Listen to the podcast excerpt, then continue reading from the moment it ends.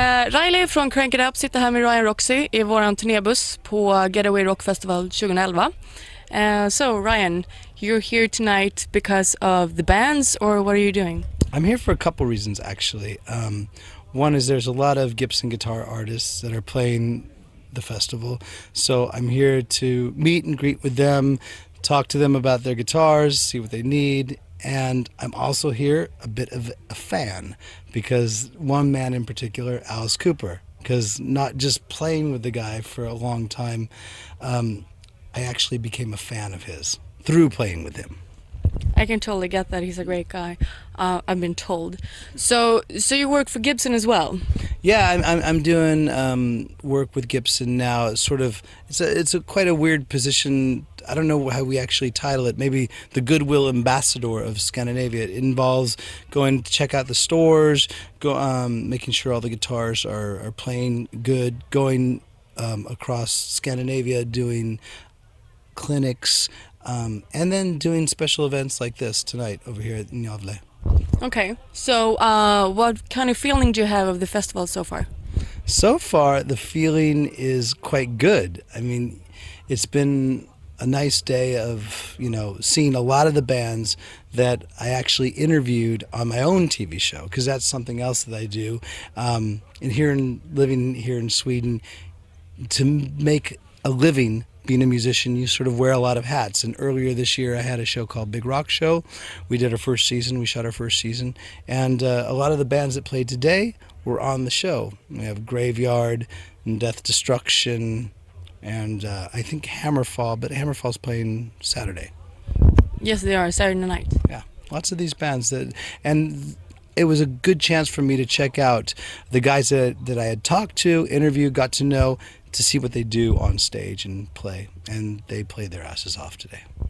Great. So, um, is there a second season of uh, Big Rock Show coming up? That's what we're working on right now, and we just have to see whether it's going to continue with Aftonbladet or we go on to network, and that's all, you know, with the powers that be. But I enjoyed doing the show. I think the Swedish public as well as the international public um, enjoyed the show. We got really good numbers. I mean, I'm not really that guy that you know is talks about how many people numbers.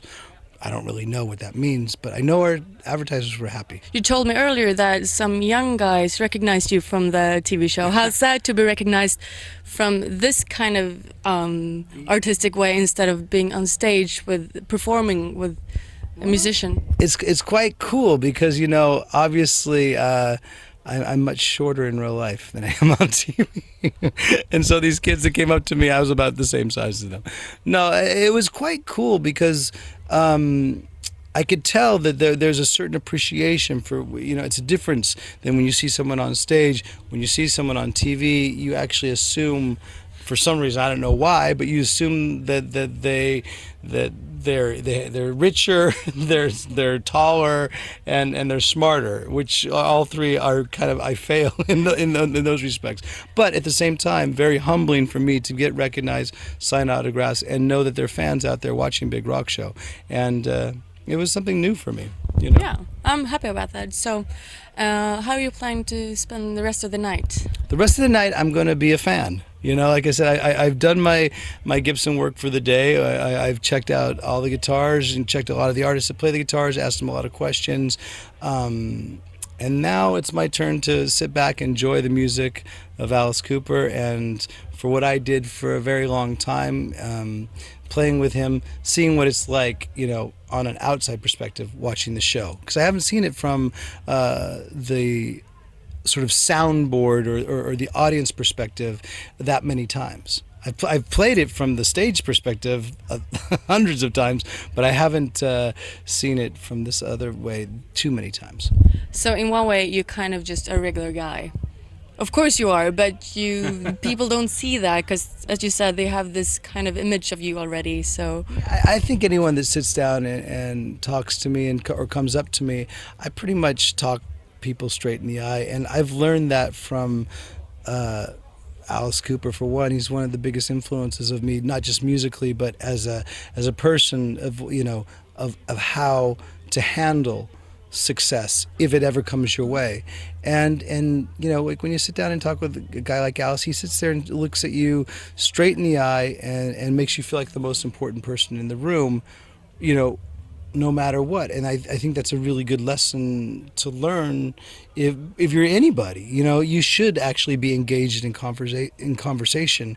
wi- You know, w- whether you're doing an interview or whether you're just having basic conversation. So he's uh he's a real inspiration for me, and um, hopefully I can be some sort of inspiration to these kids watching the show.